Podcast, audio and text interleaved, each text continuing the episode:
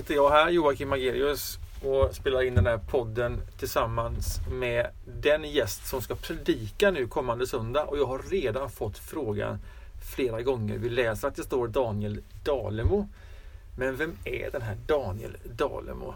Och då tänker jag att varför inte bjuda in Daniel hit? Och så får han själv berätta vem han är. Välkommen Daniel! Tack så mycket! På söndag eh, predikar du över den gode herden. Mm, stämmer. Vem, eh, vem är Daniel Dalemo? Är ett svar som man kan svara på många sätt. Eh, 47 år, kommer ifrån eh, Västgötaslätten, uppvuxen på en gård.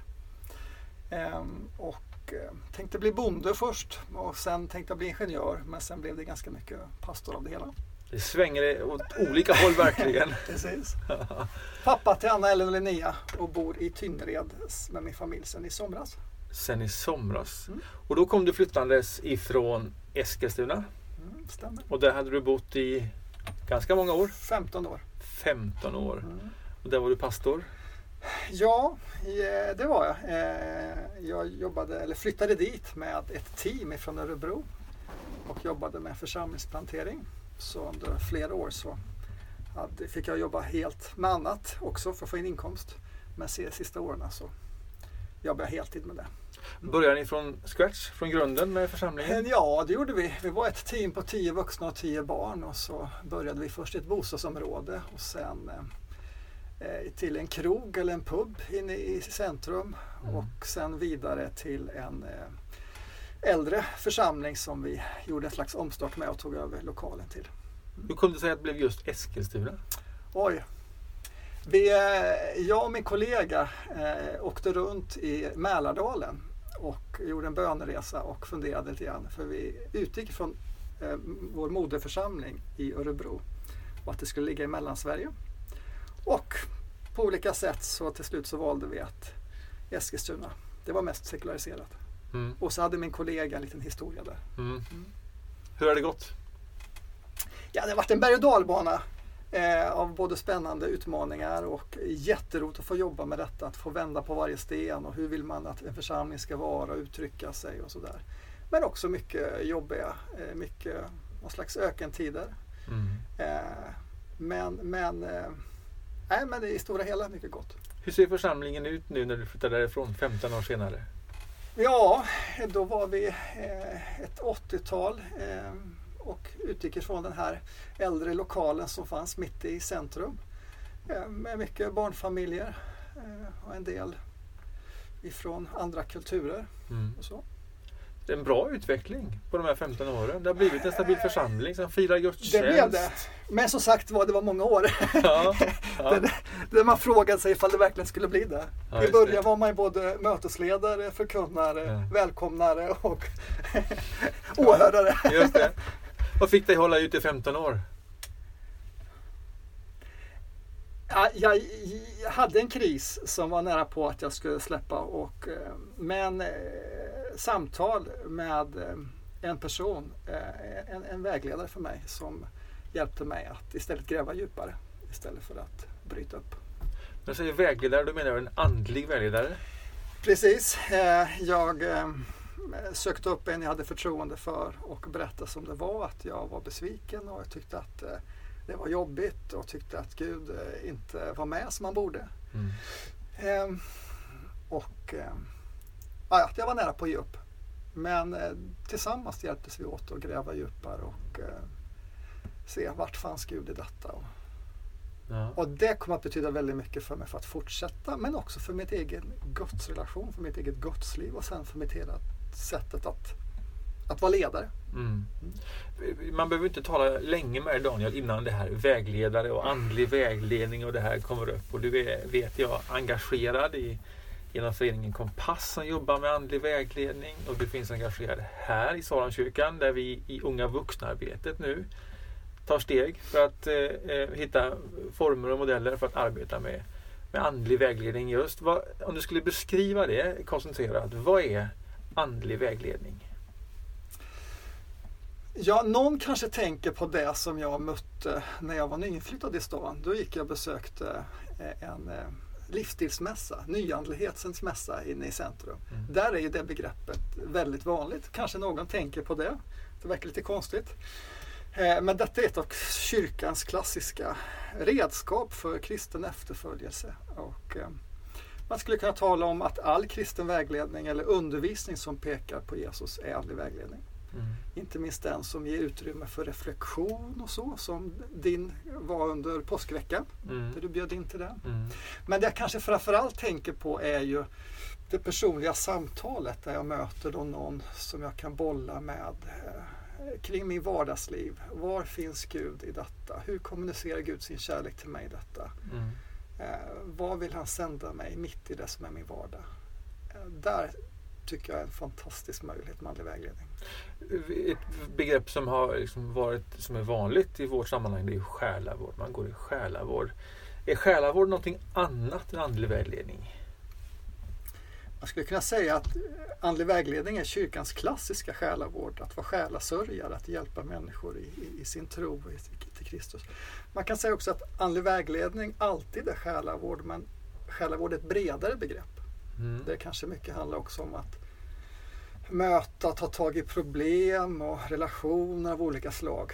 Andlig vägledning kan syssla, eller syssla med hela livet men, men det mynnar alltid ut i eh, hur- hur relaterar detta till, till Gud. Det mynnar ut till, vill uppmuntra till, eh, till bön. Mm.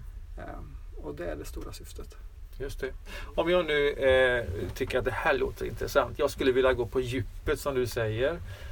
Eh, och jag skulle vilja eh, smaka på det här med andlig vägledning. Och så tar jag en kontakt med dig och sen är du nu mer en, en erfaren eh, andlig vägledare och så bestämmer vi en mötestid och så sätter vi oss ner i ett rum. Är det viktigt hur det rummet ser ut?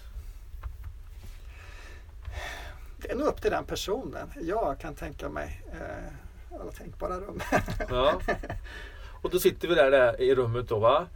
Och, eh, och, och jag är där och jag vet inte riktigt vad jag ska förvänta mig för någonting. Jag är lite spänd över detta. Jag vill fördjupa min efterföljelse. Men hur går detta till? Vad är, vad är det första som händer då? Vad, är, vad, vad händer i det rummet? Ja, alltså bollen finns alltid hos den som söker. Vad vill jag ta upp? Vad vill jag tala om? Men vill man ha hjälp på traven så kan ju en så enkel grundläggande fråga som vad, vad har du för längtan just nu? Att börja och tala om. Um, sen kan man ta upp precis vad som helst som har med livet att göra. Ehm, och sen tillsammans försöka bolla lite grann var då Gud kan finnas i det som personen upplever. Mm. Ehm, och hur man kan hjälpa den här personen att, att i bön söka Guds väg i detta. Mm. Och här är ju att vägledningen är ju en process så att det behövs flera samtal för att det ska liksom vara till hjälp. Så ofta är det över längre tid, Mm. kanske ett år eller så. Just det. Mm. Får, man, får man övningar mellan eh, samtalen? Mm. Absolut, och inte minst övningar i bön och övningar kring bibelläsningen. Ehm, Men också övningar som har med det vardagliga livet. Kanske att möta en utsatt människa. Vad gav det för reflektioner? Vad gav det för erfarenheter i mitt liv? Eh, Hur kan jag liksom ta det till Gud i samtal? Ehm, Absolut, övningen är en viktig del. Vilken roll spelar eh, bibeltexterna i andlig vägledning? Andlig vägledning fokuserar ju mina erfarenheter eh, och, och vill hjälpa mig att, att lyfta upp dem inför Gud. Men det är ju bibelordet som alltid är det vägledande i detta. Och då blir bibeltexten en hjälp för mig att bedja utifrån. Mm. Alltså jag kan få en text där, som, där med en, en liknande erfarenhet som jag själv går igenom. Mm. Och så kan den bli en hjälp för mig att uttrycka min bön till Gud Mm. så osensurerat, så öppet, så ärligt det bara går. Vilket Mm. Bibeln är fylld av sådana böner. Precis. När vi talar om andlig vägledning så, eh, och vi talar om kompass och föreningen där så står ju den, eh, den använder sig av en, eh, en tradition som kallas för ignatiansk eh, spiritualitet eller andlighet. Eh, och så har den hämtat inspiration därifrån och skapat det här så att det fungerar bra i en ekumenisk eh, kontext och så vidare.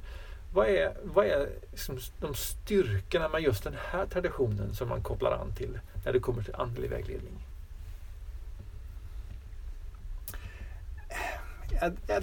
Andra traditioner skulle kunna vara att man istället ger andliga råd, alltså någon slags andlig typ som ökenfäderna mm. som liksom gör så här, mm. gör så och så, så blir det bra.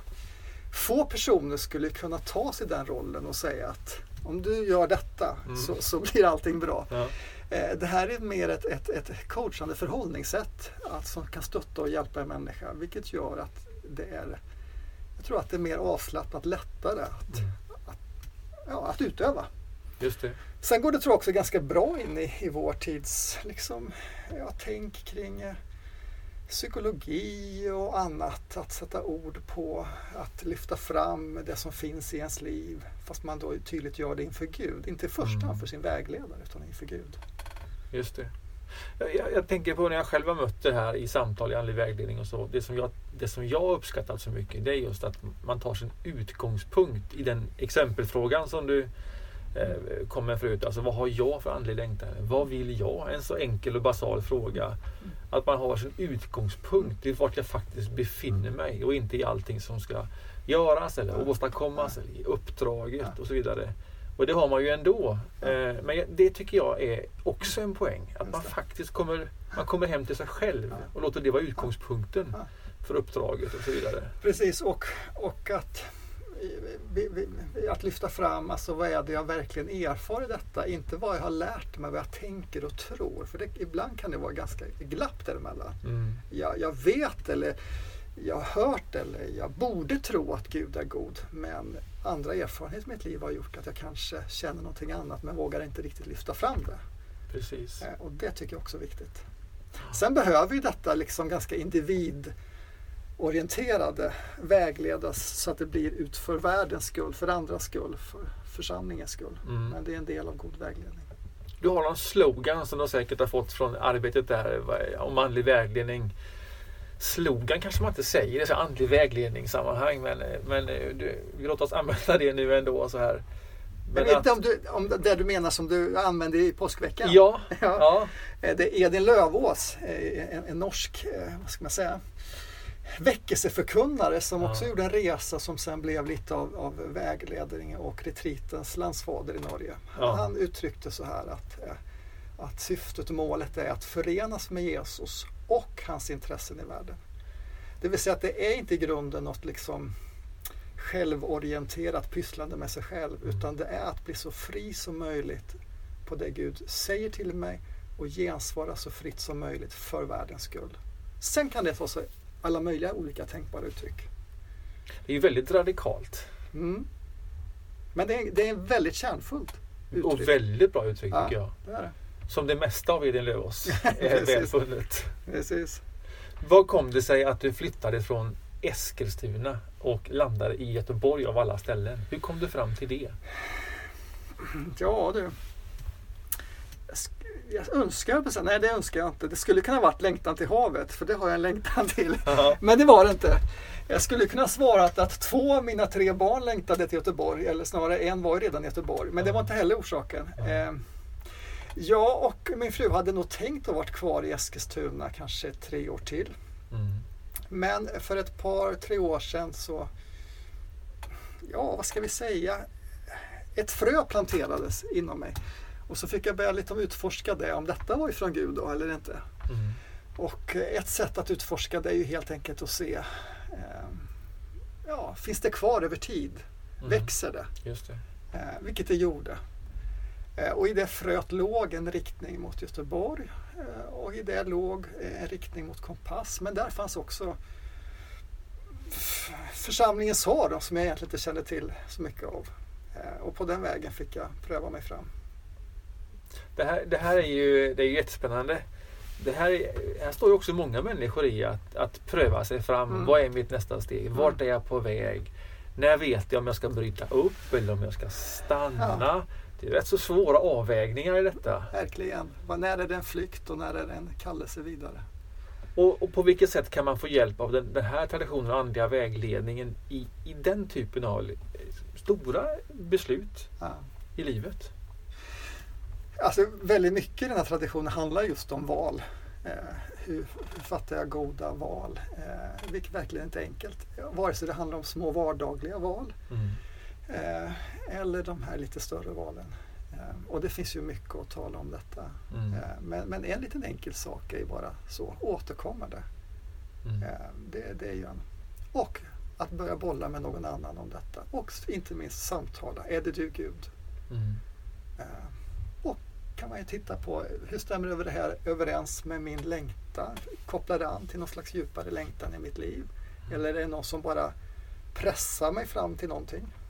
Ja, det finns många saker att tala om här. Ja, Daniel, alltså vi, jag är glad och vi är glada här att, eh, att det var just Göteborg och Saronkyrkan som blev kvar av alla saker som du funderar på och tänker om och att du eh, och ni som familj, du och Gittan eh, valde att följa och vågade bryta upp och hamna här i den här miljön. Mm. Vad, gör, vad gör du till, till vardags nu? Vad jobbar du med? Just nu så jobbar jag några dagar, har ett vikariat på mm, Reningsborg som Mm. ju ligger ute, inte så långt ifrån där jag bor i Tynnered. Mm, Eh, och där har jag förmånen att möta en utsatt grupp, de ensamkommande. just det. Eh, och det, det, är, det är väldigt gott att få göra det just nu, att få, få vara med och hjälpa dem. Eh, och det är en viktig del kopplat just till vägledningen, att Mm. få göra handfasta saker i hjälp med människor, utsatta människor. Mm. Eh, sen är det också jobbigt därför att det är en oerhört utsatt grupp. Mm. Så. Sen jobbar jag också ungefär en dag i veckan med då den här föreningen Kompass och jobbar med samordning och annat kring andlig vägledning och retriter och så. Just det. Mm. Och sen finns du med en hel del här i Mm. Saronkyrkan. Du, du var i fredags kväll och talade på vår unga vuxna gudstjänst, SMAKC. Mm. Det var lysande, fick jag ett sms från Mårten eh, Sorger efteråt. Sådär. Okej. Ja. Hur känns det att landa in här i det här sortens gudstjänstfirande? Det var jätteroligt att vara med i fredags. Ehm, Jag, tycker, jag sa till Mårten också, jag tycker det är så fantastiskt upplagt. Möjligheten att hjälpa till, att äta pizza innan, människor slussas in i uppgifter och samtidigt få fira gudstjänst och fortsätta umgås sen. Jag tycker det är ett, ett fantastiskt form för det Mm. hela. Ja. Ehm, och sen eh, fick vi tala lite grann om detta då och lite grann bjuda in till. Eh, så nu handlar det om att möta upp detta behovet. Precis. Mm. Och det finns tankar och idéer och det finns ett litet begynnande arbete med att också eh, utbilda vägledare här Mm. i församlingen. Mm. Precis, och lite grann tillsammans ta hjälp av draghjälp från andra i stan. Just det. eh, Ja. I det. Ja. Mm. Jättespännande. Vi kommer få höra Mm. mycket mer om detta eh, vad tiden lider hoppas jag och tror jag och det jobbar vi för. Mm. Och sen laddar vi för söndag nu. Eh, den gode herden, det är temat Mm. eh, och texterna på söndag. Daniel, tack för att du ville komma hit och tack för samtalet och vi ser fram emot att lyssna också till dig på söndag. Tack. Tack!